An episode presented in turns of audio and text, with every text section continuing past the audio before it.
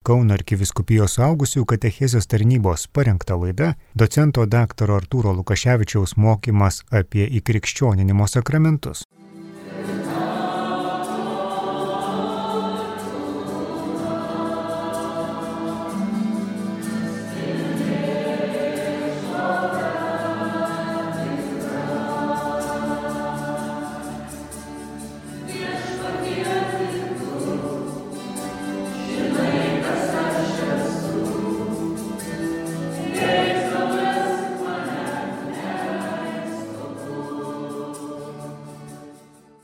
Šiandien mano tema yra sakramentai. Praeitą kartą aptarėme simbolius, ženklus ir tik tai trumpai užsiminiau apie sakramentus ir šiandien norėčiau truputį gilintis toliau į tai. Prisimenam iš praeito karto, sakramentai yra paties Jėzaus įsteigti tam tikri simboliniai ženklai, per kuriuos jisai teikia mums savo malonę. Sakramentai yra ženklai, kuriuos pats Dievas įsteigia tam, kad galėtų per juos su mumis bendrauti. Lyginame su paprastais kasdieniais žmonių gyvenime naudojamais ženklais ir simboliais, rankos paspaudimas, bučinys, arbatos gėrimas kartu ir daugybė kitų ženklų ir įvairiausių gestų, kuriuos mes naudojame, mesgi per juos kažką tai pasakome kitam kalbėjom apie bučinį ir pamiršau jūsų paklausti, o prieš paklausdamas, taigi ženklas yra kažkoks tai išorinis veiksmas arba žodis, kuris kažką tai ženklina. Bučinys arba apkabinimas kažką tai ženklina. Ta ženklą dera parodyti arba padaryti tada, kai tai, kai jisai ženklina, tinka toj situacijoje, kai tu turi tą mintį, ką ženklina tas ženklas. Ir už tai galima simboliu arba ženklu arba gestu kokiu nors meluoti. Galima meluoti. Ženklas yra, bet ženklinamojo tai, kai jisai ženklina, nėra. Ir galima, galima meluoti. Yra labai garsus bučinys. Iš karto prisiminsite, kuriame nebuvo to ženklinamojo judo bučinys, kur išorinis gestas rodo artumą, atsidavimą, draugiškumą, o to, ką jisai ženklina, nėra. Ir mūsų visuomenėje to yra labai daug.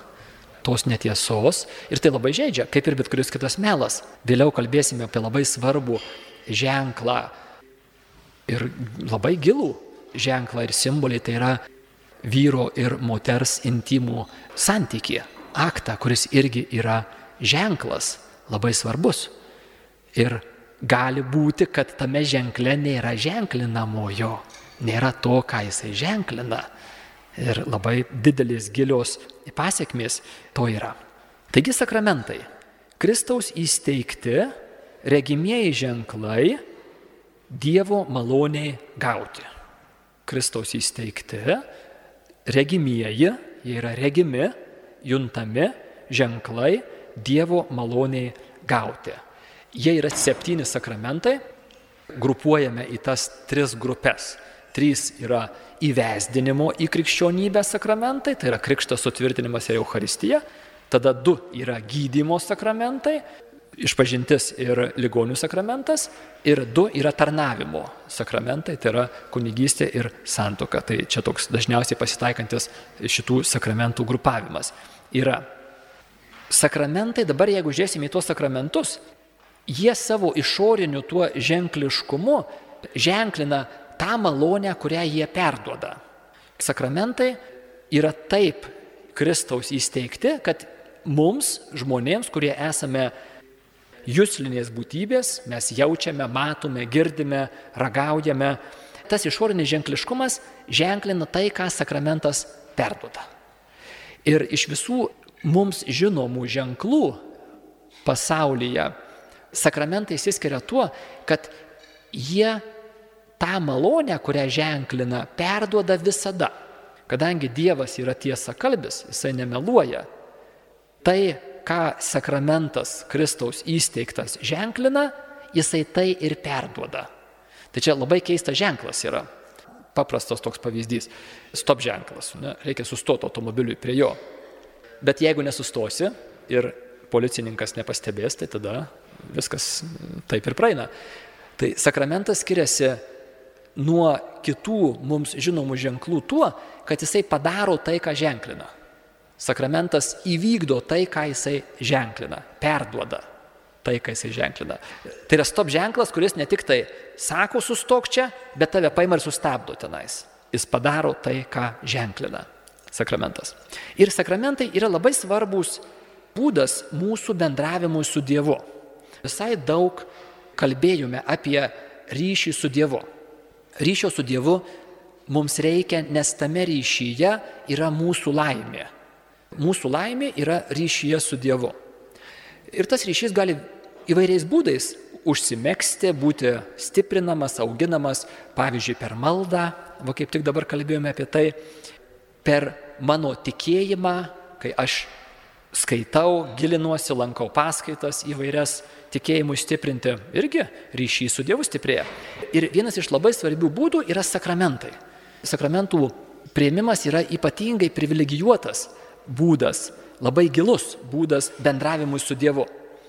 Labai svarbus dalykas yra, kad mes čia esantys padarytume pataisas savo supratimuose, kurie ateina iš klaidingo sakramentų, tokio vat, Lietuvoje paplitusio supratimo. Lietuvoje dažnai sakramentai suprantami kaip susitvarkymas. Aš, sako, vat, sutvarkiau vaikus. Ir tada, tai reiškia, privedžiau pirmos komunijos vaikus ir dabar jau galime vėl atsipūsti ir gyventi kaip visi žmonės. Tai reiškia, į bažnyčią eiti nereikia, jau vaikai yra sutvarkyti ir viskas tvarkoj. Labai klaidingas supratimas, nes sakramentai yra priimami ne tam, kad užsidėti pliusiuką, bet tam, kad bendrauti su Dievu. Pirma komunija yra priimama tam, kad sekmadienio mišiuose galėčiau eiti komunijos. Ir jeigu aš nesiuošiu to daryti, tai tada kam man to sakramento reikia? tokį pavyzdį sugalvojau. Sakramentą galima būtų palyginti su elektroninio pašto e-mailo įvedimo. Aš danguje užsiregistravau ir įsivedžiau elektroninį paštą. Dievas sako, gerai, įtraukiu tave į savo adresų knygelę elektroninio pašto, turime kontaktą, e-mailą. Bet kas iš to, jeigu aš tą paštą turiu, tačiau laiškų nerašau? Dievas kiekvieną dieną pasitikrina, nėra nuo Artūro. Nėra. Tai kam aš jį įsivedžiau tada? Sakramentai yra priimami tam, kad jais gyvenčiau, juos e, priiminėčiau, tuos sakramentus, kurie gali ir turi būti priimami dažnai kaip šventos mišios, Euharistija ir panašiai.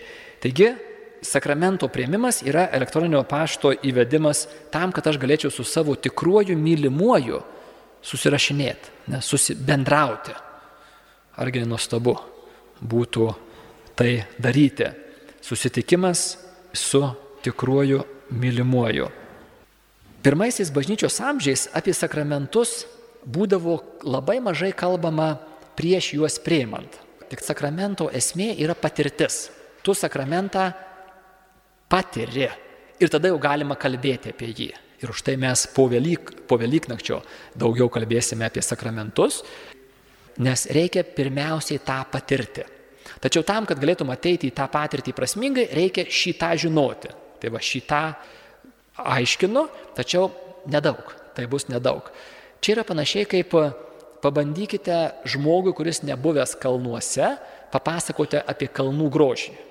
Nu, galima tikriausiai pasakoti apie kalnų grožį. Ne, jie didingi, jie status, jie įspūdingi, nu dar bandykite kažkaip tai sugalvoti žodžių, kaip papasakoti žmogui nebuvusiam kalnuose apie kalnus. Paskui pakalbėsim, einam į kalnus pirmiausiai. Pirmiausia reikia patirti, pamatyti, tada bus apie ką kalbėti. Tai čia yra panašiai. Krikščionybė yra ne žinios apie Dievą. Krikščionybė yra gyvenimas su Dievu, patirtis kasdienybėje. Ir žinios yra reikalinga dalis to, bet krikščionybė yra ne apie, bet yra susitikti su Dievu. Ir sakramentai yra ypatingai svarbi to susitikimo dalis. Taigi sakramentai simbolizuoja tą malonę, kurią teikia.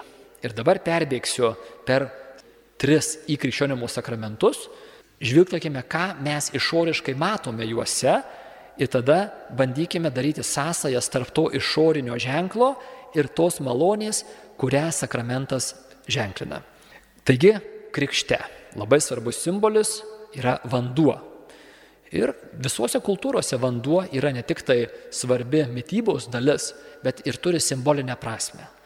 Vanduo nuplauna, vanduo atgaivina, bet taip pat vanduo gali pražudyti, vanduo paskandinti gali. Plati gili simbolika yra vandens.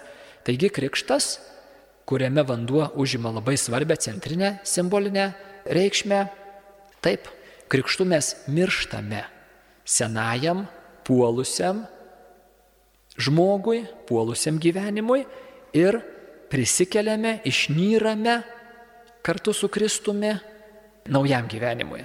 Krikštas yra mirtis ir prisikėlimas. Dalyvavimas Kristaus mirtyje ir prisikėlime. Krikštas panaikina, nuplauna gimtają nuodėmę. Jeigu krikštiesi ne kūdikis, o suaugęs žmogus, kaip va jūsų tų, kurie primsite krikštą atveju, tai krikštas panaikina, nuplauna visas asmeninės nuodėmės, visas tas nuodėmės, kurias mes kaip samoningi žmonės padarėme savo gyvenime. Krikštas šias nuodėmės kaip vanduo nuplauna.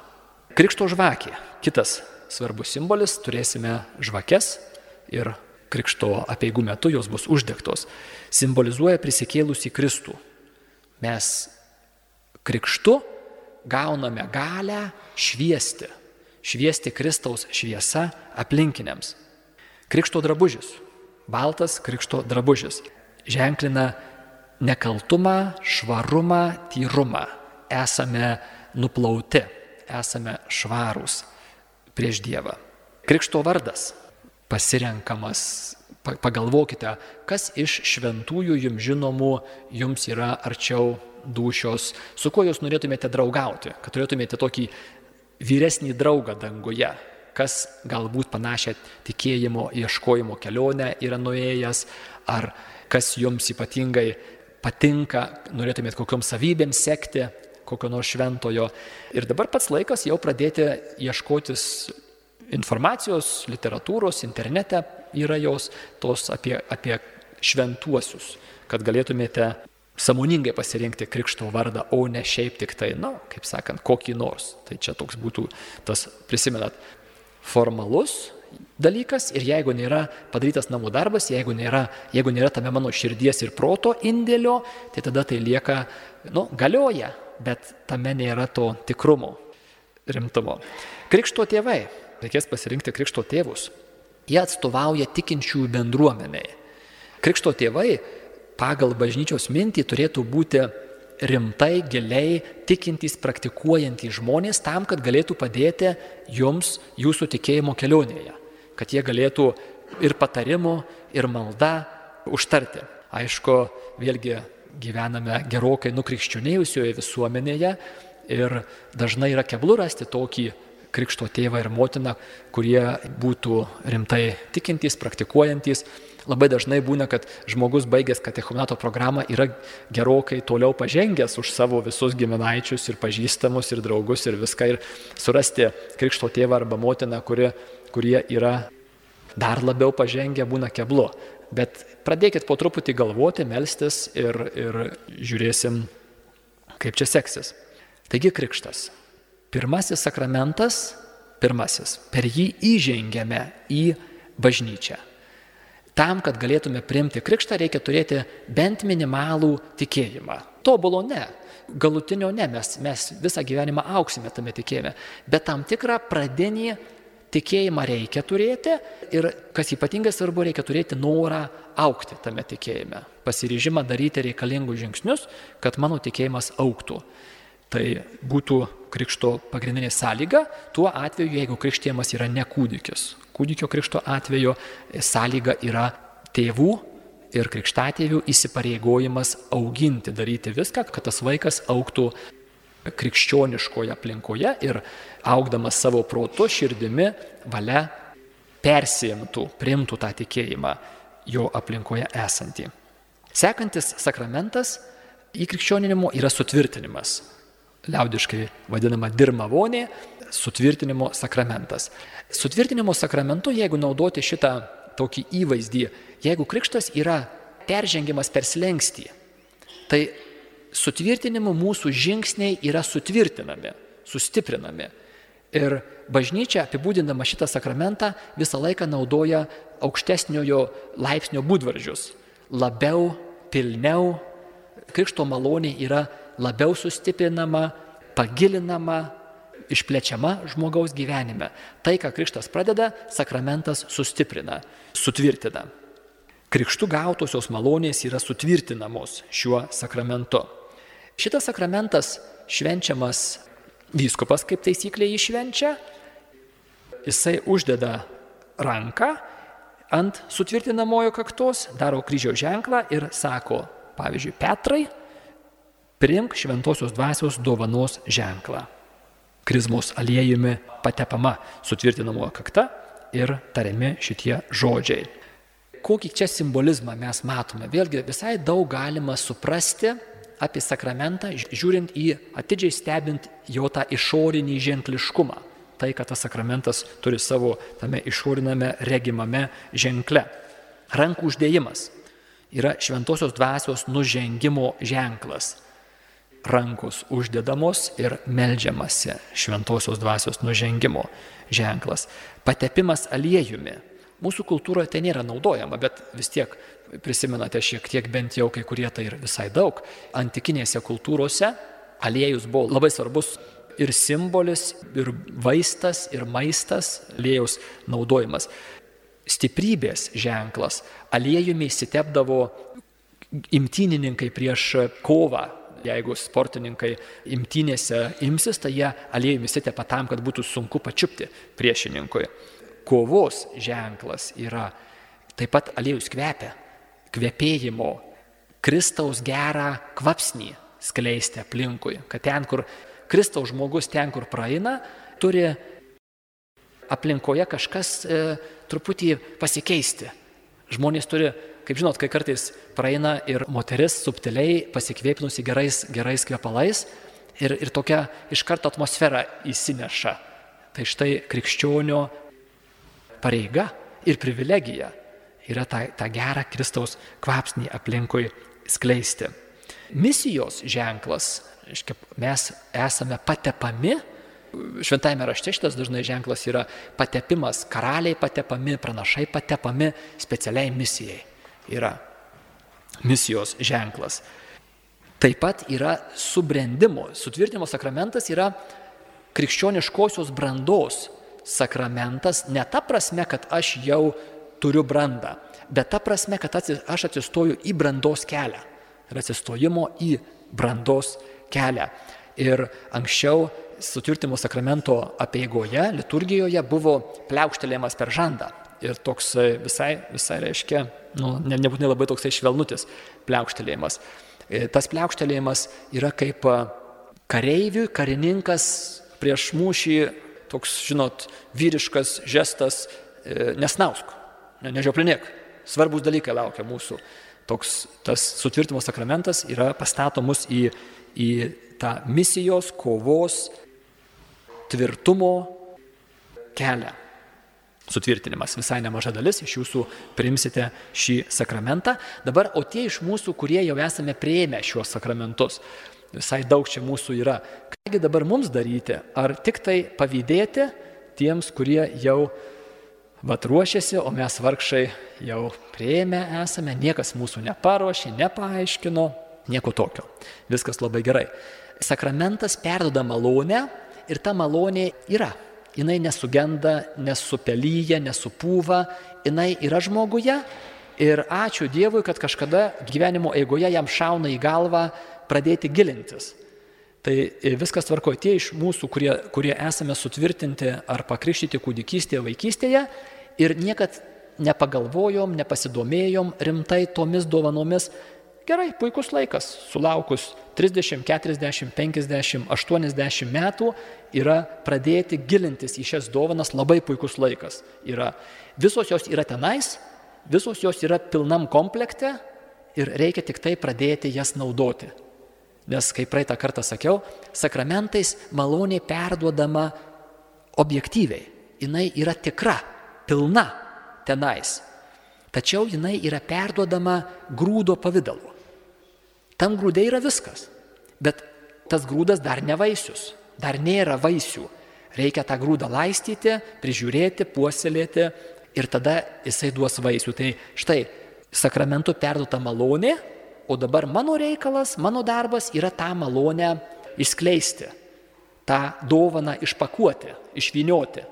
Nes jeigu aš tą dovaną, įsivaizduokit, gavau dovaną, parsinešiau namo ir padėjau ant spintos, ant lentynos kažkur tai ir pamiršau, kad turiu. Va. Ir turiu ir neturiu. Tai čia va, daugeliu atveju yra su mūsų primtais sakramentais. E, jeigu negavome tinkamo pamokymo, paaiškinimo, tai mes ją kaip ir turime, nuotraukos albume yra ir tuo ir baigėsi. Tai tiems iš mūsų, kurie esame prieimę sakramentus, viskas tvarkoj. Galime dabar pradėti gilintis į tai ir tie, kurie nesat prieimę sakramentų, nu be abejo, jums šventė. Artėja šventė, pasiruošti tam samoningai su su, reiškia, samoningumu ir, ir, ir laisva valia ir kaip brandų žmonės tam, tai čia yra e, super, čia labai, labai didelė dovana yra. Taigi ir tiems, ir tiems yra labai gerai.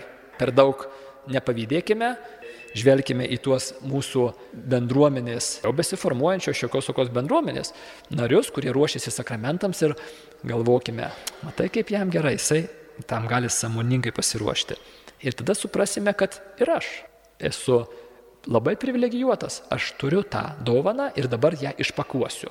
Ta dovana, kurią gavau prieš 40 metų ir dabar ją galiu išpakuoti. Trečiasis įkrikščionimo sakramentas yra Euharistija. Euharistija arba šventos mišios. Šventose mišiose mes švenčiame Euharistiją. Tai čia yra tikslas. Čia yra visko siekinys. Krikštu peržengiu per slengstį. Sutvirtinimu mano žingsniai yra sutvirtinami link altoriaus, link viešpaties stalo, link Euharistijos. Euharistija yra tikslas. Pats artimiausias, intimiausias susivienijimas su Dievu, koks tik tai įmanomas šioje žemėje, yra sakramentuose ir iš tų sakramentų Sakramentų sakramentas yra Euharistija. Visi kiti sakramentai yra nukreipti į Euharistiją kaip į savo tikslą.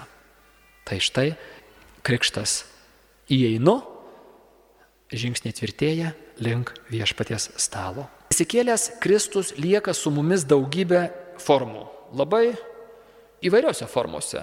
Jisai sakė, kur du ar trys mano vardu, ten ir aš esu jų tarpe, šventajame rašte, Dievo žodėje Kristus yra, kai jį skaitome, kai jį klausomės atidžiai bažnyčioje, jisai kalba mums per šventąjį raštą, jisai yra e, artimame žmoguje, jisai yra vargšuose, ką padarėte vienam iš mažiausiųjų brolių, man padarėte, ir dar gana daug įvairių kitų formų, kuriomis Kristus yra su mumis čia. Tačiau Euharistija yra ypatingas privilegijuotas būdas, kuriuo Kristus pasilieka su mumis, labai labai kuklus būdas.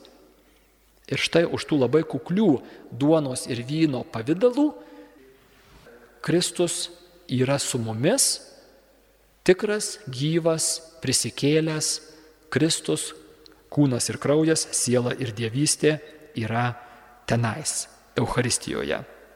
Šventų mišių metu kunigas aukoja duoną ir vyną ir jie realiai virsta e, Kristumi. E, Kristaus kūnas ir Kristaus kraujas. Bet nemiręs Kristus.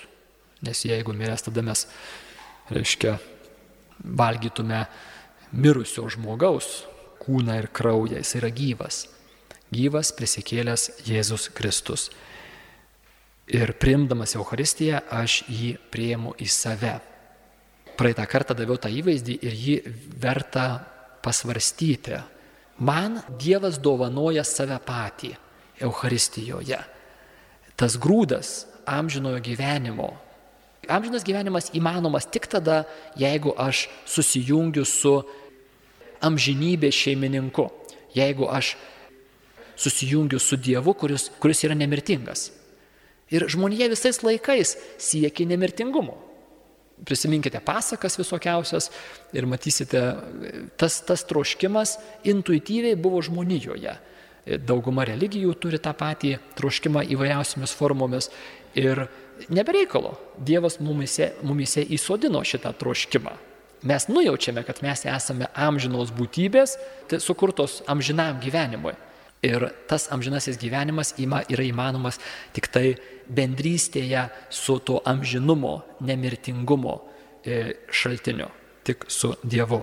Ir Euharistijoje mes šioje žemėje turime patį artimiausią, giliausią būdą susijungti su Dievu, su Kristumi.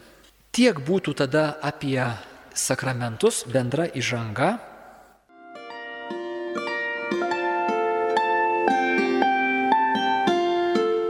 Jūs girdite Marijos radiją.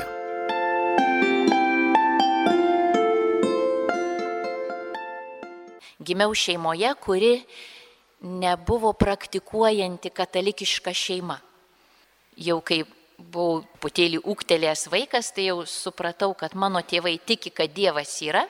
Ir kažkaip man buvo labai džiugu, nors mokykloje sovietmečių mes girdėdavome ir vaikai, ir, ir vyresni visas tas valandėlės ugdymo, kad Dievo nėra, bet kažkaip nepatikdavo man šis dalykas, kad Dievo nėra ir kai aš savo namuose kažkaip susivokiau, kad vis tik tai mano tėvai tiki, kad Dievas yra, tai mano širdis užsidegė ir pradžiugo. Nes man labai vis dėlto buvo brangu ir taip širdis mano atliepė į tą tokią tiesą, kad Dievas yra ir kaip gerai. Nes aš irgi noriu tikėti, kad Dievas yra. Ir aš taip net dar vaikas, būdama apsisprendžiau, kad nežiūrint to, kad mokykloje išneka kitaip, bet mano namuose šneka, kad Dievas yra, tai ir aš pasirenku tokią poziciją, tokį tikėjimą, kad Dievas yra. Bet tuom viskas ir pasibaigė toks. Mano vaikystės tikėjimas apsiribojo tuo, kad Dievas yra. Ir paskui, kai jau buvau maždaug paauglė, kokių taip 14 metų, dėjau jausti kažkokią tokią keistą trauką vidinę ir labai konkrečią Jėzaus Kristaus asmeniui. Troškau jį pažinti, jį, apie jį daugiau sužinoti, kas jis yra. Tiesiog ir ta trauka buvo netgi labai konkreti, aš tarsi jį įsimylėjau, žavėjausi juo. Nei iš šio, nei iš to, nes mano aplinkoje niekas apie Jėzų Kristų nekalbėjo. Nei šeimoje, nei platesnėje aplinkoje, bet be abejo vis tiek susidurdavau su tikinčiais žmonėm kažkokiu tai būdu mane buvo pasiekusi ši žinia apie Jėzų Kristų, jo vardas, jo gyvenimas, bet labai labai menkai. Tai nebuvo išorinės žinios kaip informacija, tiesiog tokia vidinė trauka, vidinis patyrimas, išgyvenimas žavėjimasis Jėzumi Kristumi kaip asmeniu ir noras jį labiau pažinti ir apie jį labiau sužinoti. Ir aš tuo metu užeidavau į bažnyčią pati viena ir kai ten būdavo tuščia, nieko nebūdavo, man patikdavo ta tyla ir visa aplinka. Užeidavau kartais ir kai vykdavo mišios, taip viskas atrodė man stebuklinga, nesuvokiama, nepažįstama, bet labai šventa, labai sakralu. Ir aš Jeigu sutikdavau kokių nors tikinčių žmonių, dažniausiai tai būdavo senyvo amžiaus moteriškės, tai aš vis prašydavau, papasakok man apie Jėzų Kristų. Aš noriu labiau apie jį sužinoti. Ir kažkaip keistas dalykas, mano liūdėsiui, mano nusiminimui, niekas man nepapasakojo apie Jėzų Kristų. Ką nors kitą pasiūlydavo daryti, sakydavo, eik į bažnyčią, eik į mišes. Būk gera mergaitė, va gal nori eiti adoruoti tenai su, su baltom suknelėm. Arba pasiskaityk štai knygelę apie šventąją Kotryną ir panašiai, bet aš tai noriu pažinti Jėzų Kristų, apie jį man papasakok. Ir nepavyko man į šį klausimą tuo metu rasti atsakymo. Ir po to jau buvau kokių 17 metų, 16-17 metų, pradėjau draugauti su Antanu, savo būsimų vyrų. Ir jis buvo visai iš kitokios šeimos. E, nors kaip, nu, jau tada jis jau buvo jaunas e, vyras, jau jam buvo penkiais metais vyresnis, tai kiek tada jam 22 metai buvo, tai jau Jisai ne tik, kad buvo buvęs tikintis, bet jau ir atitolęs nuo bažnyčios. Tačiau mano akivaizdoj tai labai demonstravo savo tikėjimą. Jo mama iš tiesų buvo giliai tikinti ir praktikuojanti moteris. Ir kažkaip sužinojęs, kad aš nekrikštita, jisai ėmėsi tvarkyti tą reikalą. Be to, kaip jisai dar tą sužinojo, todėl kad Nu, šiaip jis mėgdavo daryti man įspūdį visokiausiais tokiais netikėtais mm, susitikimais ir vienas iš jo mėgstamiausių susitikimų buvo skirti man pasimatymus bažnyčioje.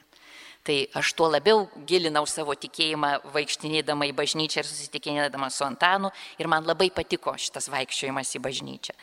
Tai va, tai kažkaip ir be abejo natūraliai mūsų kalbėjimo temos irgi šiek tiek krypo vat, į Dievą, į bažnyčią ir taip jisai įsireiškino, kad aš vis tik tai nekrikštita, aš ir pati susivokiau, kad nekrikštita esu. Na ir jisai ėmėsi tvarkyti šią problemą, sutvarkyti mane ir pasirūpinti, kad aš vis tik būčiau pakrikštita. Tai Antano mama e, sutiko būti mano krikšto mama, Antano pusbrolis ar dėdė dabar nežinau, nes pakankamai dar ten jaunas buvo vyras, sutiko būti mano krikšto tėčiu ir pradėjome mes ruoštis krikštui. Nu, ir koksgi tas pasiruošimas krikštui? Visų pirma, nuėjome į, į katedrą susitikti su kunigu. Ir katedros tuo, tuo metinis jau kunigas, klebonas ar administratorius, jis taip vadinasi, pasikalbėjo, kad aš tai čia vat 17 metį, bet nekrikštita, tėvai nepakrikštijo manęs. Na tai davė man tokį vaikišką Paltaroko katekizmą. Sako, va pasiskaityk, jeigu tau bus klausimų, pasišnekėsim ir būsi pasiruošus krikštui. Išmokva maldas, poterius. Na ir ką, aš buvau tokia gana uoli moksleivė, tuo metu aš buvau dešimtoj klasiai Ir aš grįžus namo atsiverčiu tą knygelę, tą katekizmą ir ten klausimų atsakymų forma e, yra ta katechezė išdėstyta. Ir pirmas klausimas, kurį skaitau. Dėl ko gyvename žemėje? Atsakymas. Kad įvykdytumėm Dievo valią ir nueitumėm į dangų.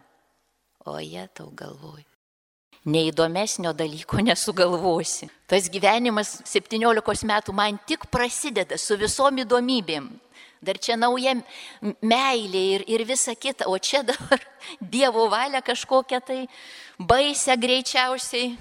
Ir, ir nueiti dangų aš dar mirti nesiruošiu, noriu gyventi. Vienu žodžiu, man visiškai tas toksai, ne tik, kad neįdomus, bet netgi ir, ir nesuprantamas ir, savotiškai atstumintis atsakymas. Nu, bet reikia įsiminti, nes taip parašyta. Vat, ir kiti e, klausimai ir atsakymai nebuvo įdomesni tą patį pirmąjį, bet aš labiausiai patį pirmąjį tą kaip šoką atsimenu. Vat. Na, šiaip ne taip aš tą tokį pusiau egzaminą, pusiau atsiskaitimą su kunigu praėjau truputėlį užsikirzdama, klausimų stengiausi neužduoti dėl kelių priežasčių. Vienas dalykas, kad aišku, kad nesusikirščiau ir paskui, kad jisai neatšauktų mano krikšto, bet svarbiausia man pačiai prieš save buvo gėda, nes mano protui reikėjo daugiau. Aš nenorėjau tik tai tokio tikėjimo, kokį aš ten perskaičiau. Ir galvoju, jeigu aš pradėsiu klausinėti, aš galiu, kaip sakant, ar sumaištaut, ar kažkaip, nu, tiesiog pabijojau ir dėl, dėl savęs, kad neprarasčiau to noro ir, ir dėl kunigo, kad blogai man nesibaigtų. Vienu žodžiu, atlikau taip, kaip pasakyta. Klausimas, atsakymas, klausimas, atsakymas. Toks ir buvo mano pasiruošimas. Daugiau man niekas praktiškai ir nepadėjo. Antanas žinių neturėjo, o Antano mama buvo viena iš tų vat, moteriškių, kurios sakė, eik vaikelį į bažnyčią ir viskas bus gerai. Nu, bet aš toj bažnyčioj buvau ir, nu ką, aš ten nieko nesuprantu. Bet vis dėlto krikštas įvyko. Ir kaip, kaip dabar, žvelgdama į savo širdį ir prisimenu tą savo būseną ir tą intenciją, kodėl aš krikštijausi, vis dėlto Dėl kelių priežasčių. Visų pirma, mano širdies nepaleido tas ilgesys, Dievo ilgesys ir Jėzaus asmens žavesys. Tai viena iš tokių svarbių priežasčių. O kita priežastis buvo tam tikra rezistencijos forma. Todėl, kad tuo metu visa ta sovietinė propaganda, ta teistinė propaganda man buvo labai įkyrėjusi ir aš labai nemėgau, bet pasipriešinti nebuvo tokių kažkaip galimybių. Mes tiesiog šaipydavomės taip, abejingai davom nusiteikę, bet daugiau nieko. Ir savotiškai tas mano slaptas krikštas, nes jisai buvo vis dėlto slaptas, apie jį net nežinojo mano mama, nes jinai mano mokykloje buvo mokytoja ir būtų mm, blogai jai baigėsi, bet to ir man būtų blogai baigėsi su charakteristikom ir stojimu į universitetą. Tai savotiškai tai buvo tam tikras toksai pasipriešinimas, kad aš nesutinku su ta aplinka ir ta tvarka, kurioje gyvenu ir noriu kažkaip, nors ir slaptai, bet išreikšti kitą poziciją, vat, krikštytis. Nors žinau, kad gali, kaip sakant, jeigu kas sužinos, tai bus bėdos. Na ir va, ir kažkaip su tokia intencija ir su tokiu minimaliu pasiruošimu keistu įėjau į, į krikštą su savo krikštatėviais ir draugų būriu. Ir katedroj Zakristijoje mane krikštijo, po to prieėjau Vat katedros koplyčioje pirmosios komunijos iš pažinties nereikėjo, kadangi krikštas nuplauna visas nuodėmės. Ir tai tikrai vis tik tai buvo labai džiugi patirtis, nors iš pradžių lyg ir buvo tam tikras toks lašelis tokio nutrūktgalviškumo, tokio avantūrizmo, bet jisai labai greitai išblėso. Ir kažkaip po to ilgą laiką, gal kelias savaitės, išgyvenau keistą tokią būseną naujumo. Dabar galėčiau įvardinti, kad tai va, tas Dievo malonės, kuri man buvo išlieta per krikštą, to tapimo naujų kūrinių, naujų žmogumi, Jėzuje Kristuje, tai aš net negalėjau jos įvardinti, tik tai tiek, kad man buvo gera, širdie ramu, džiugu, jaučiausi laiminga, Nors ir iki tol buvau laiminga, nes vat, draugavau su Antanu, turėjau gerų draugų, bet tai buvo dar nauja laimė, nes kažkaip priežastis buvo šaltinis tos laimės, lyg ir atsivėrė kitas. Nors negalėjau to įvardinti, bet tą naują laimingumą aiškiai išgyvenau. Ir tai tęsiasi kurį tai laiką. Šitokia būsena, ta malonės būsena, bet paskui praėjo. Iš tiesų niekas man ir toliau nepadėjo gyventi to naujo gyvenimo, melstis, skaityti šventą raštą, eiti bažnyčią, padėti laikytis krikščioniškų nuostatų, Dievo įsakymų. Aš sugrįžau, tiksliau, tiesiau gyventi tą patį gyvenimą, kokį gyvenau ir iki tol. Nemokėjau melstis, nieks ne, nepamokino ir toliau nesimeldžiau. Ir kažkaip tarsi viskas nublėso, nuslinko ir mano gyvenimas per daug ir nepasikeitė. Bet va šį patyrimą labai stipriai atsimenu. tą naujumo, tą kitoniškumo išgyvenimą, tą tikrai Dievo malonės veiksmingumą, nežiūrint to, kad aš buvau nepasiruošusi ir po to neturėjau, kas man padeda, kad tuo galėčiau gyventi. Ir tik tai jau maždaug po dešimties metų, praėjus dešimčiai metų jau nugyventas gyvenimo didelis gabalas visokios patirties, jau ir du vaikus turėjau, sutikau bičiulių, kurie buvo gyvai tikintis, tokia jaunimo maldos grupė, iš kurios vėliau išaugo gyvų akmenų bendruomenė. Kažkaip Dievas davė man susipažinti su tais jaunais žmonėmis ir jie man padėjo savo liudijimu ir savo gyvenimo būdu, malda, šlovinimu ir paskatinimu ir pačiai savo gyvenimą atiduoti Jėzui ir pradėti melstis ir skaityti šventą raštą ir eiti sekmadieniais į mišes ir kartą per mėnesį iš pažinties ir kadangi ir jie tą darė, man nebuvo sunku kartu su jais irgi tą daryti. Ir tas visas naujas gyvenimas atsivėrė ir labai greitai tokiais drastiškais, dideliais žingsniais. Visų pirma, tas atidavimas savęs Jėzui ir pažinimas jo, susitikimas, išgyvenimas jo kaip realaus asmens ir patikėjimas, kad visa, ką jisai sako, yra tiesa. Ir tada tarsi ta visa krikšto malonė, kuri buvo manyje kaip rusenantis anglis, anglies gabaliukas, kaip žaryje, tarsi buvo įpūsta į ugnį Ir va paskui ta jau nuolatinė kasdienė praktika - maldos, maldos grupės, tikėjimo dalinimosi, bendruomeninės maldos, švento rašto, sakramentų. Ir mes labai daug kur važinėdavom su tikėjimo liudijimais, evangelizacijom. Tai visas tas vat, naujas gyvenimas tarsi malkos tai ugniai nuolat degti. Ir tas toks gyvenimas, va tada jis ir pasikeitė. Nors va, tas krikšto malonė suveikė tuo metu, kai aš buvau krikštyjama, bet neišgyvenau pratesimo tos malonės, nes nebuvo aplinkos, kuri man padeda. Va, bet kai jinai atsirado, viskas užsidegė ir pradėjo aukti ir, ir skleistis. Ir dėkoju Dievui, kad turiu šitą patirtį.